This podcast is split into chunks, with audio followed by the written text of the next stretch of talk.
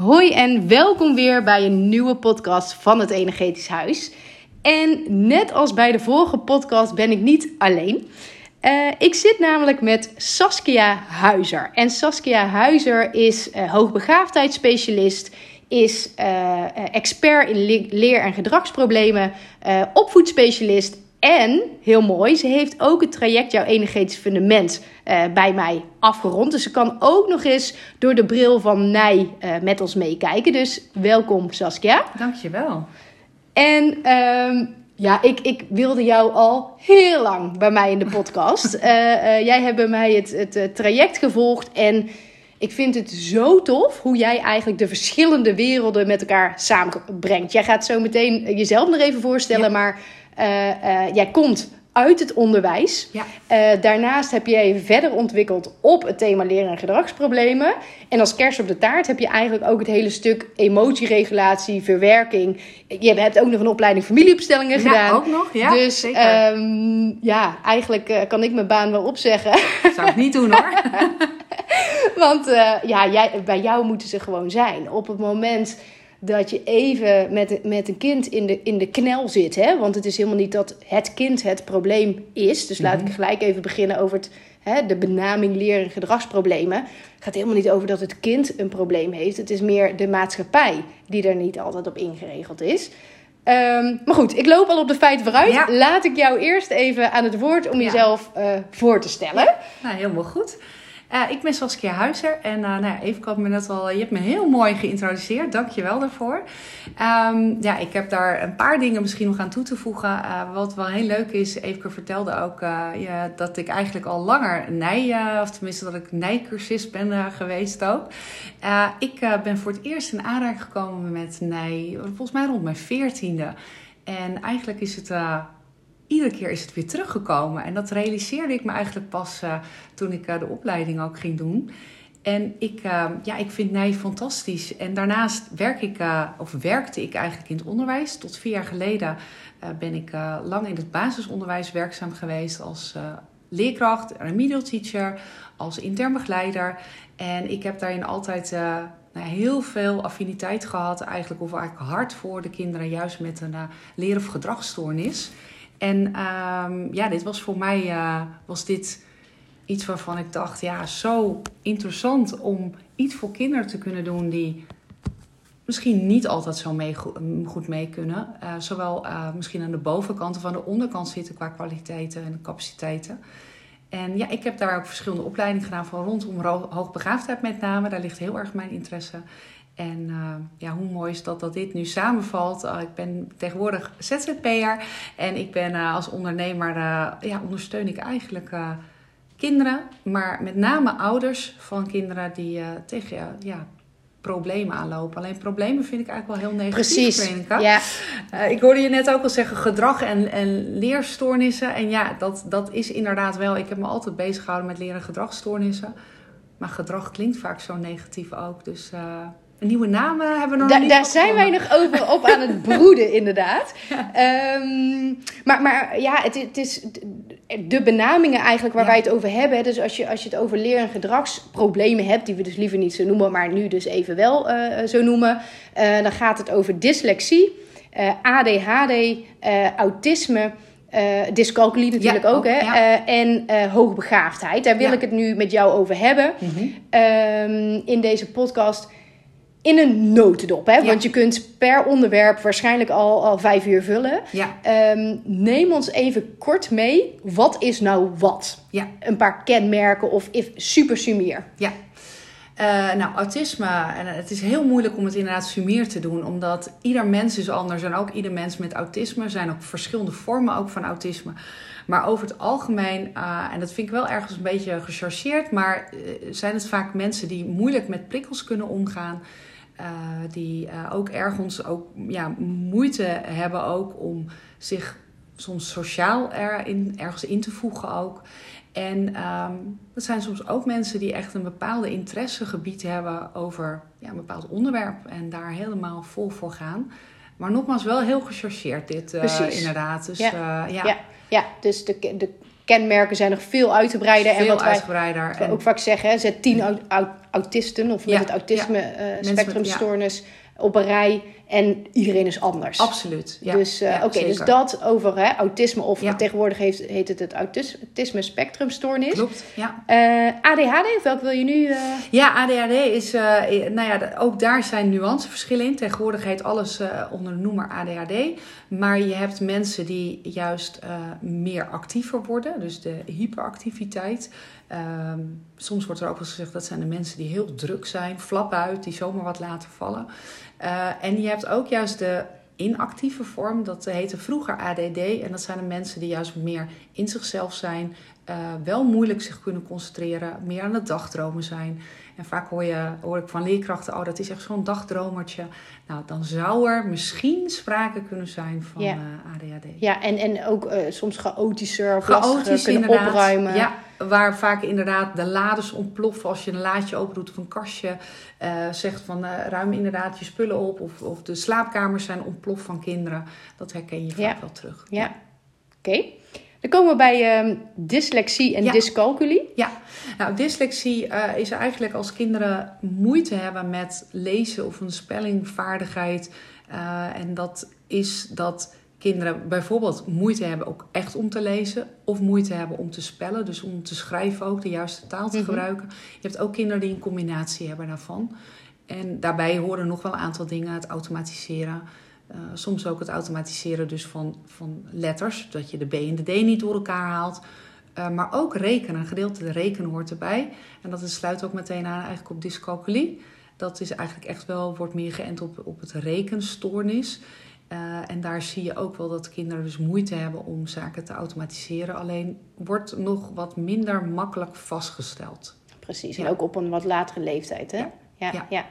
Oké, komen we bij de laatste, hoogbegaafdheid. Jouw ja, eh, ja, inderdaad. Mijn, eh, mijn, mijn, mijn, kindje. paradepaardje. Ja, hoogbegaafdheid. Daar bestaan echt ongelooflijk veel ehm, ehm, modellen eigenlijk op. Eh, door veel wetenschappers zijn verschillende modellen gemaakt. Wat ik een heel mooi model vind eigenlijk, is dat... ehm, ik weet niet of, maar ja, de, luisteraar moet natuurlijk even dat weten. Maar hoogbegaafdheid wordt gedeeltelijk erfelijk doorgegeven en gedeeltelijk ook door de omgeving. Dat je dat als ouder ook ja, ergens misschien ook wel kan stimuleren door, door veel te vertellen, veel voor te lezen, misschien wel naar veel musea ook te gaan. Maar waar het eigenlijk in zit is dat gedeeltelijk hoge intelligentie, want je mag officieel over hoogbegaafdheid spreken als een kind eh, een intelligentie heeft van 130 plus. En dat moet dus ook door een officiële nou ja, intelligentietest door een bepaald persoon ook afgenomen zijn. Eh, het heeft te maken met motivatie, met de omgeving dus. Dus hoe je het als ouders zeg maar doet. En ook wel creativiteit ook. Vaak zijn het mensen die creatief zijn. En dan bedoel ik niet in de sfeer dat je van, eh, van, van borduren of dat soort dingen houdt. Maar ook creatief zijn in het bedenken van oplossingen. eh, eh, dingen ook creatief zien. Bepaalde opdrachten die ze krijgen. En, dus het is een brede zin van het Ja. woord ook. Ja, en dat triadisch model, Ja. wat jij mij ook liet zien. Ja. mo- mocht je daar eens op willen googlen. Ik vond het daar heel mooi staan, inderdaad. Want bij hoogbegaafdheid denk je vooral... En we, gaan zo eh, meteen, zo meteen het juist hebben over de misdiagnoses. Nou, Ja. daar komen dit soort dingen aan bod. Eh, eh, dat we bij hoogbegaafde kinderen al vaak denken van... maar die zijn super slim. En als je dan niet super slim bent, ben je Ja. dus niet hoogbegaafd. Juist. Maar het zit Ja. dus ook heel erg in die eh, motivatie en dat, dat creatieve eh, denken. Absoluut. Nou ja, laten we dan maar gelijk het bruggetje slaan naar, naar de misdiagnoses. Want ehm, kijk, wat het allemaal is, dat, dat kun je ook nog even googlen. En, Ja. en eh, daar, daar, daar kunnen we überhaupt al een hele podcastreeks aan wijden. Waar ik het met jou even over wil hebben, ook zeker in, in relatie tot Nij en, en, en tot het werk wat jij natuurlijk eh, dagelijks met veel liefde doet, is alle misdiagnoses Ja. die er eh, ontstaan. En wat is een misdiagnose? Wat, wat bedoel jij daar eigenlijk mee? Hè? Is dat mensen, ehm, nou ja, jij zult dadelijk vast een aantal voorbeelden hebben, maar dat er te snel gezegd wordt van, oh, maar iemand die heel druk is, heeft dus ADHD. Ja. Terwijl dat ook een andere oorzaak eh, zou kunnen hebben. Ja. Wil je daar eens wat meer op, eh, op ingaan? Nou, ik vind het voorbeeld wat je geeft inderdaad over ADHD vind ik een hele mooie.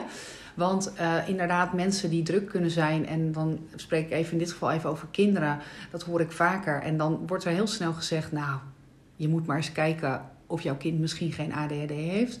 Of een leerkracht kan ook me eventueel benoemen van, nou, ik zou eens nader onderzoek doen tot. Alleen ADHD ehm, is, en we zeiden net al kort kenmerk van het is bijvoorbeeld heel druk zijn. Maar een kind kan bijvoorbeeld ook heel druk worden in de klas als het eigenlijk veel meer uitdaging nodig heeft en het niet krijgt. Dus uh, te makkelijk werk. Ja, als je brein dan onvoldoende geprikkeld wordt, ja, misschien kun je je wel bij voorstellen dat je dan eigenlijk ook ergens ook denkt van ja, maar ik wil meer. En dan ga je misschien wel bewegen of juist dingen roepen om ook aan een bepaalde manier aandacht te krijgen. Ja, en dan is al heel snel, dan ligt een misdiagnose, kan al heel snel. Ja, dus dat je eigenlijk te maken hebt met uh, hoogbegaafdheid, maar omdat die motivatie onvoldoende intrinsiek eigenlijk geprikkeld wordt, uh, gaat iemand onderpresteren. En lijkt het alsof iemand ADHD heeft of gediagnosticeerd eh, krijgt. Uh, maar is het dus in werkelijkheid misschien wel een onderliggende hoogbegaafdheid? Ja, dat kan het zeker zijn. En het kan ook zijn dat een kind uh, heel druk wordt omdat het juist iets heel erg moeilijk vindt. Dus het kan ook de andere kant op gaan. En ik denk dat dat ook, ja, wij zijn, we zijn allemaal mensen en we hebben allemaal ook, denk ik, iets meer trekken van of van het een of van het ander in ons. als ik naar mezelf kijk ik denk dat ik wat meer. Ik ben best wel introvert. En ik denk dat ik ook. Ehm, ik kan heerlijk lekker in mijn schulp zitten. En dan heb ik helemaal geen behoefte aan sociale contacten. Ja, ik, ik neig wat meer dan naar een persoon dat ik een persoon ben met autistische kenmerken. Terwijl andere mensen heel enthousiast zijn. En dat is een persoon wat meer met ADHD-kenmerken. Dus ja, ergens denk ik ook van ik, ik ben de persoon uh, die niet snel mensen in een hokje wil stoppen of zeggen van nou hier heb je een stickertje op van nou jij hebt ADHD of autisme. Precies. Het, is ook, het wordt door de maatschappij vaak ook heel makkelijk gemaakt Zeker. Uh, om, om, om uh, bepaalde zorg goed te krijgen, maar ook om het schoolsysteem, ja. hè, dat, dat, wat jij net ook al zei, het basisonderwijs wordt eigenlijk voor één type kind, hè, of één niveau kind gemaakt. En op het moment dat je er eigenlijk een beetje bovenuit steekt of een beetje onder, dan nou, hoor je er niet bij of wijk je af. En dan, dan is het al vrij snel makkelijk om ja, daar een stempeltje of een hokje op te plaatsen. Um, ja, waardoor het kind ineens niet goed is of niet past. Maar zo werkt het uh, natuurlijk niet. Ja, Jij gaf ook een mooi voorbeeld uh, net aan mij over hoofdrekenen. Ja. En, en, en dat, dat, dat mensen dan denken, oh dan heb je dyscalculie, maar dat het hem ook juist in ja. dyslexie of hoogbegaafdheid zou kunnen zitten. Klopt. Uh, als je, en, en, echt het hoofdrekenen, dus de sommetjes bijvoorbeeld 24 en bij 28, of uh, tafelsommen, voor de meeste mensen vaak wel bekend als keersommen die, die moet je ergens moet je die leren. Vaak in groep 4, 5. En als je die niet goed kunt onthouden, dan wordt er heel snel conclusie getrokken. Uh, als je, stel dat je hogere intelligentie hebt en je hebt dat wel laten zien, maar je kan dus niet goed hoofdrekenen, dan hoor ik best wel vaak, oh, maar dan kun je ook niet hoogbegaafd zijn. Ja, dus als je dat niet kan, kan je niet hoogbegaafd zijn. Kun je niet hoogbegaafd zijn. Dus dat zou al een, nou, een soort misvatting eigenlijk zijn of een vooroordeel. Het kan ook de andere kant op zijn dat een kind inderdaad uh, nou ja, moeite heeft met automatiseren.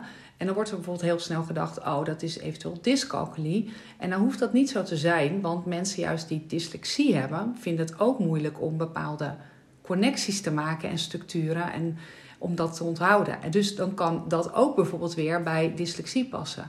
En daarmee wil ik eigenlijk aangeven dat het automatiseren aan zich is gewoon best wel een hele moeilijke vaardigheid. En we doen daar heel makkelijk over van ja, een kind moet de tafel van drie bijvoorbeeld leren.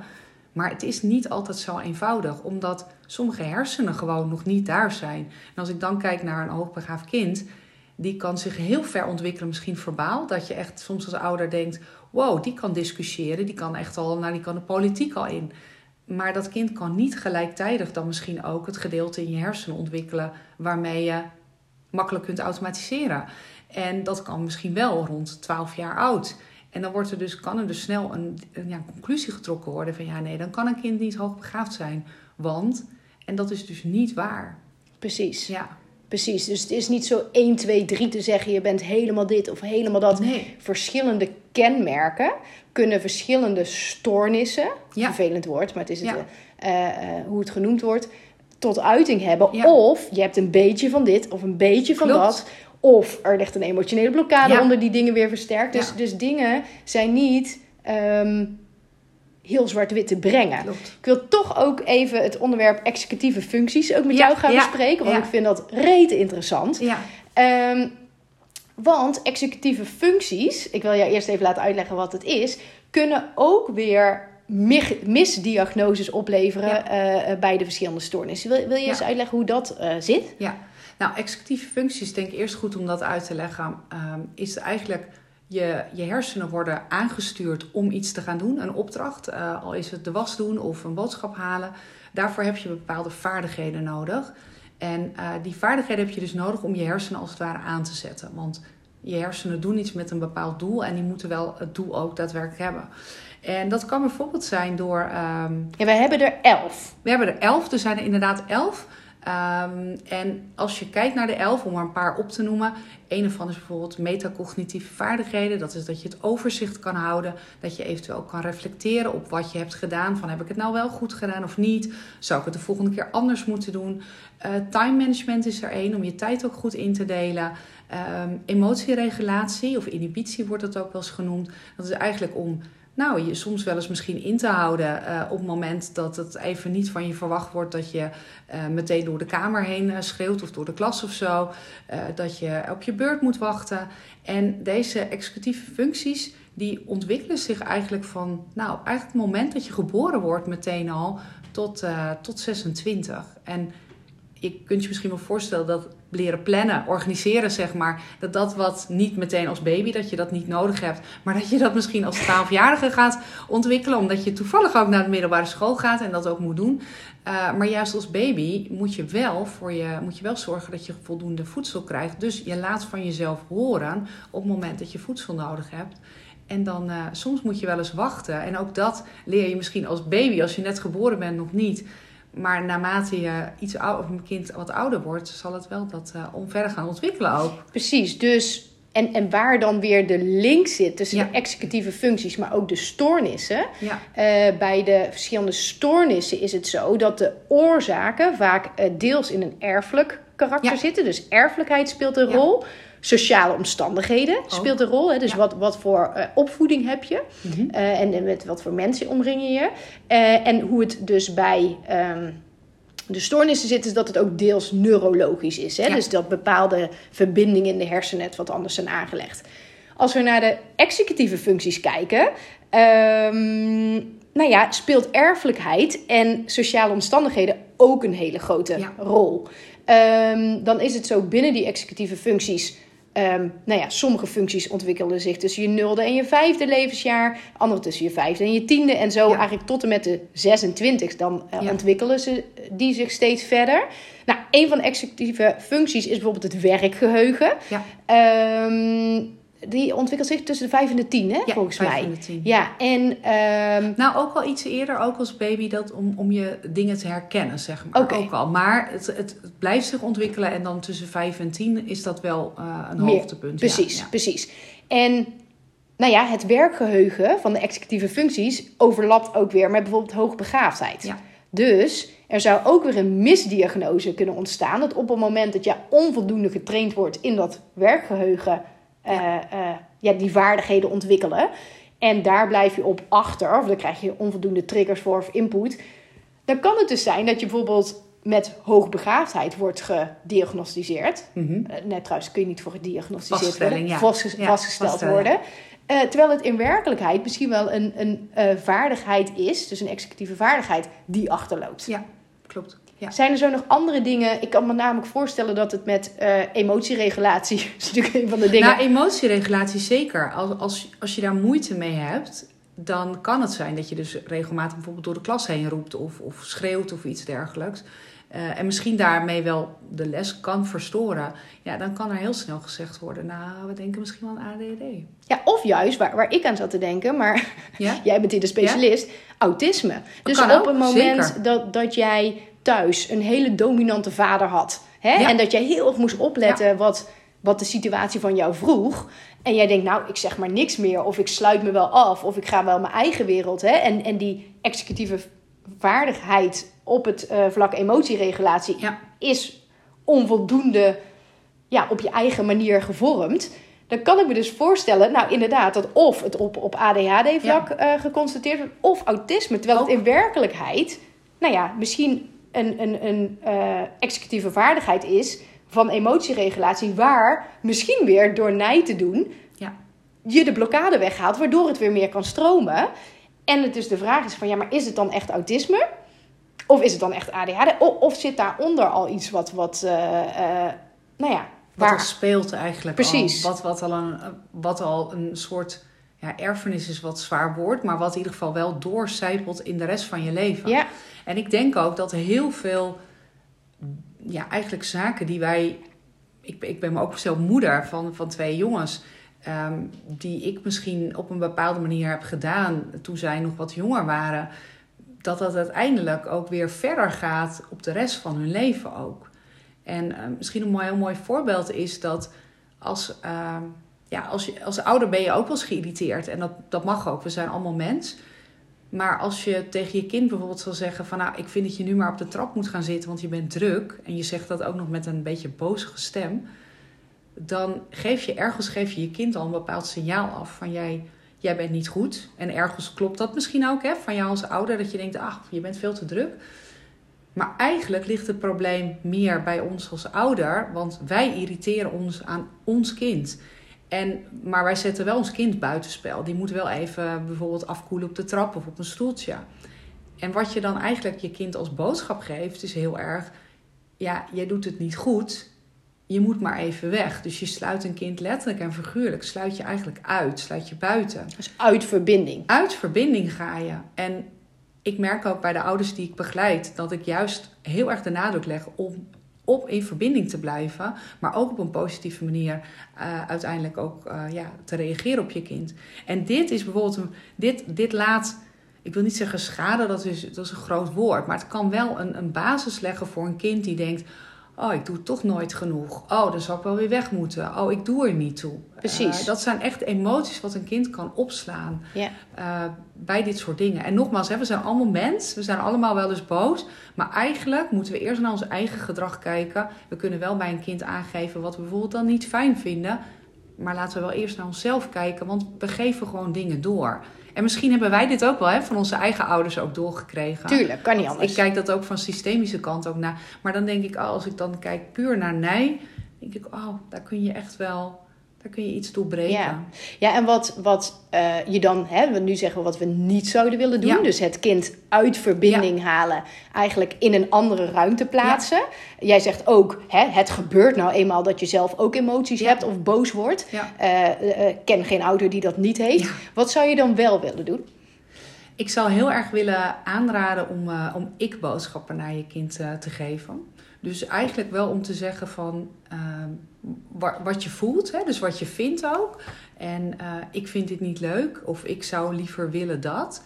En dan voor de rest moet je het bij je kind laten en moet je eigenlijk zelf dus gaan kiezen voor, ja, uh, loop zelf anders heel even de trap op en ga daar even zitten om, om rustig te Precies, worden. dus je kiest er dan eerder voor om zelf ja. uh, even weg te gaan Ja. en het kind in de veilige omgeving te laten Ja. waar die is, uh, dan om het kind eruit te halen. Dat is eigenlijk wat je zegt.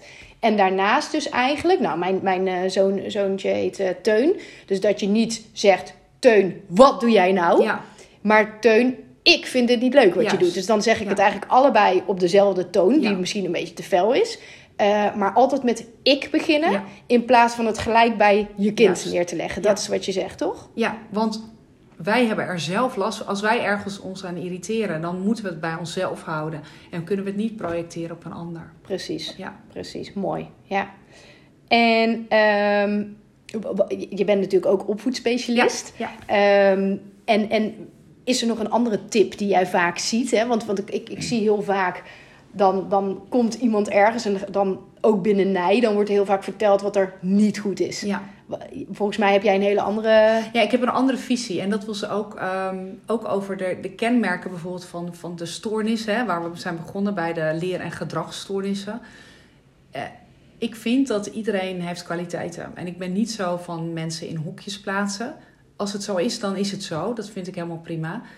Maar laten we vooral naar elkaars kwaliteiten kijken. En uh, laten we die ook benadrukken. En bijna uitvergroten ook wel. Ik zeg wel eens, leg ze onder een vergrootglas. zeg juist die dingen die je kind goed doet. En zeg het niet op een onnatuurlijke manier van... oh, ik vind dat je zo mooi kan schilderen... waardoor je kind denkt... ja, mama zegt iets of papa zegt iets... maar daar geloof ik niets van. Maar wel van... Uh, uh, eigenlijk benoem je van... oh, je kind doet iets goed... Waardoor je kind zelf denkt: Oh, als ik dus vaak als mama zegt van. Oh, wat, uh, wat ruim jij je goed de tafel af? Dat is misschien wel een heel bijzonder voorbeeld. Maar dat je kind uiteindelijk denkt: Oh, misschien kan ik dat ook wel eens bij mijn kamer of zo doen. En dat, dat er dan ook een positieve feedback als het ware komt. Want in plaats van dat je zegt, dit doe je goed, waarom doe je niet hetzelfde met je kamer? Juist, inderdaad. Maar dat je kind zelf ervaart, oh, als ik dus iets goed doe, nou, dan, dan, dan is mama misschien wel vriendelijker, dan, uh, dan is ze aardiger. En helemaal niet met een beloning, want ik ben helemaal niet zo van het belonen. Maar gewoon meer dat er een fijne sfeer komt. Ja, ja, op een positieve manier opvoeden. Ja, ja. ja. mooi. Ik ben even aan het denken, want jij, stel, er, er zijn hier, uh, uh, denk ik, heel veel mensen ja, ja. die de podcast luisteren, die of zelf met dingen struggelen. Ja. Of die kinderen hebben die met Ja. dingen struggelen. Ehm, wat zou jij ze aanraden? Kijk, jij, jij bent de volledige toolbox in die Ja. zin. Je hebt aan de ene kant heb jij de opvoedcoaching en Ja. tools. Jij hebt de kennis van de stoornissen. Ja. Anderzijds heb je ook nij in je eh, toolkit. Klopt. Nou, je- wa- wat ehm, op een moment dat mensen denken: oh my god, dit, dit, ik hoor heel veel en wat nu? Wat, wat zou jij ze aanraden? Verschillende dingen die ik kan aanraden inderdaad. Sowieso kunnen eh, ouders mijn podcast eh, eh, luisteren. bij Saskia Huizer. Dus als je op mijn naam googelt dan, en podcast, dan komt dat al. En in die podcast deel ik... Het is eigenlijk hoogbegaafdheid en opvoeden. Maar ik denk eigenlijk dat mijn podcast voor heel veel andere mensen rondom hoogbegaafdheid ook... Ja, ja, rondom opvoeden eigenlijk ook eh, helemaal passend zijn. Eh, dus ik denk dat ik daar heel veel tips in deel. Dus ehm, dat is al één. Het tweede is dat ik eh, via mijn website kun je sessies boeken. Zowel nijsessies als de gewoon online sparsessies eigenlijk. En daarnaast ben ik een online training aan het maken. En nou, die komt ook dit jaar komt die nog. en ja, mocht je daar geïnteresseerd in zijn, stuur me een berichtje en dan zet ik je op de wachtlijst. En dan eh, krijg je meteen de eerste ins en outs in ieder geval eh, daarvan. Ja, Kijk, nou, dat is een mooie stuk voor jou achter de deur Ja. eh, om, ja. om daar lekker mee aan de slag te gaan. En nog, nog één ding wat ik, waar, waar ik nog even ehm, op terug wil komen. ja. En waar we nog niet over hebben gehad, is het kan zo zijn dat er diagnoses zijn, dat er vaststellingen zijn of dat er indicaties zijn eh, voor een bepaalde stoornis. ja. Of gewoon even zonder het benoemen van de stoornis dat een kind ja, niet lekker in zijn vel zit en daar willen we wat mee. Ehm, als we dan de link leggen naar Nij, eh, vind ik het belangrijk, en jou ook, we hebben het Ja. erover gehad. Ehm, ik, wij pretenderen niet, jij ook niet, van oh, een kind heeft ADHD. Nou, ga even naar Saskia, Eefke of welke andere nijtherapeut en we nijen het even weg, Klopt. om het even een werkwoord te maken. Ehm, een kind is hoe die is. Ja. Eh, ehm, en tuurlijk denk ik dat het als een sneeuwbaleffect kan zijn. Dat als jij bepaalde verbindingen in jouw hersenen hebt, eh, waardoor jij niet helemaal lekker meekomt, of waardoor je net even anders bent dan de rest, daar kun je weer bepaalde emoties bij gaan voelen. En je kunt daar ook weer in bepaalde dingen meemaken, waardoor je als een sneeuwbal wel steeds, het steeds ingewikkelder kan maken voor jezelf. Dus. Zeker. Ehm, nou, ik ben zo benieuwd hoe, hoe jij daarnaar kijkt. Maar ik denk dus dat het heel mooi is om een tijdje met een kind mee te lopen in dat proces. Om ja, te kijken waar kunnen we nou het verzachten. Ja. En dus niet vanuit de quick fix van hé, hey, mijn kind heeft autisme. En ga jij er alsjeblieft voor zorgen dat, dat, dat hij of zij ervan afkomt.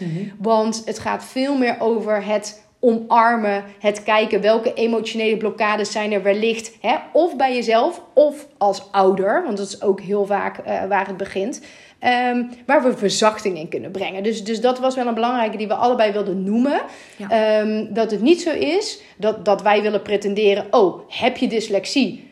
Boek even een consultje Ja. en morgen ben je er vanaf. Ja. Want één, laat verwachtingen los. Maar kijk daar, waar kunnen we nou dat kind lekkerder in zijn vel laten zitten? Dat is volgens mij waar we willen kijken, waar wij een stukje op dat pad kunnen meelopen.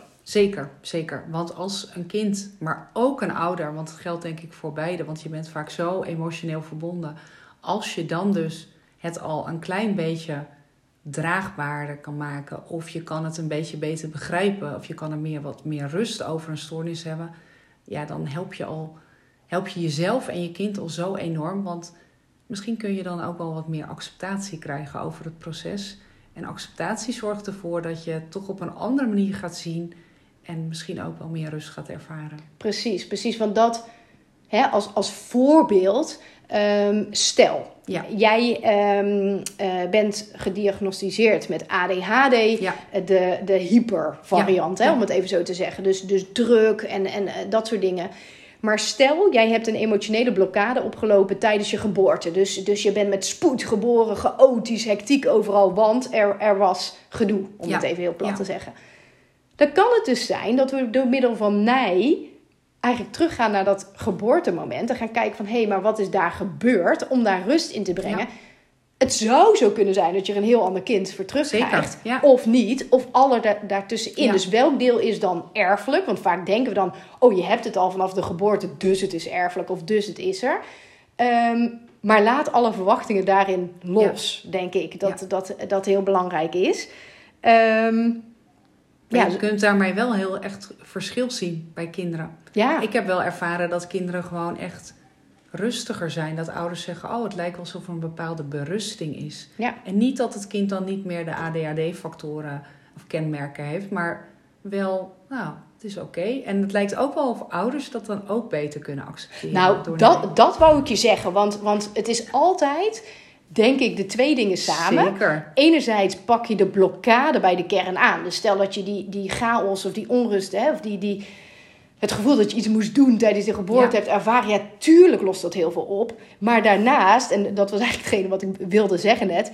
Het feit dat je als ouder beseft waar dat chaos of dat hypergevoel vandaan komt. Ja. En dat je dus elke keer dat je je kind zo ziet doen op dit moment niet denkt van Jezus Bas, eh, hoe kun je Ja. ervoor zorgen dat je zo snel mogelijk weer rustig bent, maar een soort van mildheid of compassie hebt van jeetje, ja, ik snap wel dat als jij nog zo'n blokkade hebt ge- gevoeld vanuit die geboorte, eh, eh, ja, dat daar hectiek ontstaat Zeker. en dat daar onrust ontstaat en dat er dus veel meer mildheid ontstaat. En daarom denk ik dat het heel fijn is om er op wat voor manier mee aan de slag te gaan, omdat je dan wat beter begrijpt wat er in dat kopje afspeelt. Ja. En eigenlijk maakt het dan niet uit wat het resultaat is, Ehm, maar ja, je loopt gewoon een stukje mee op dat pad.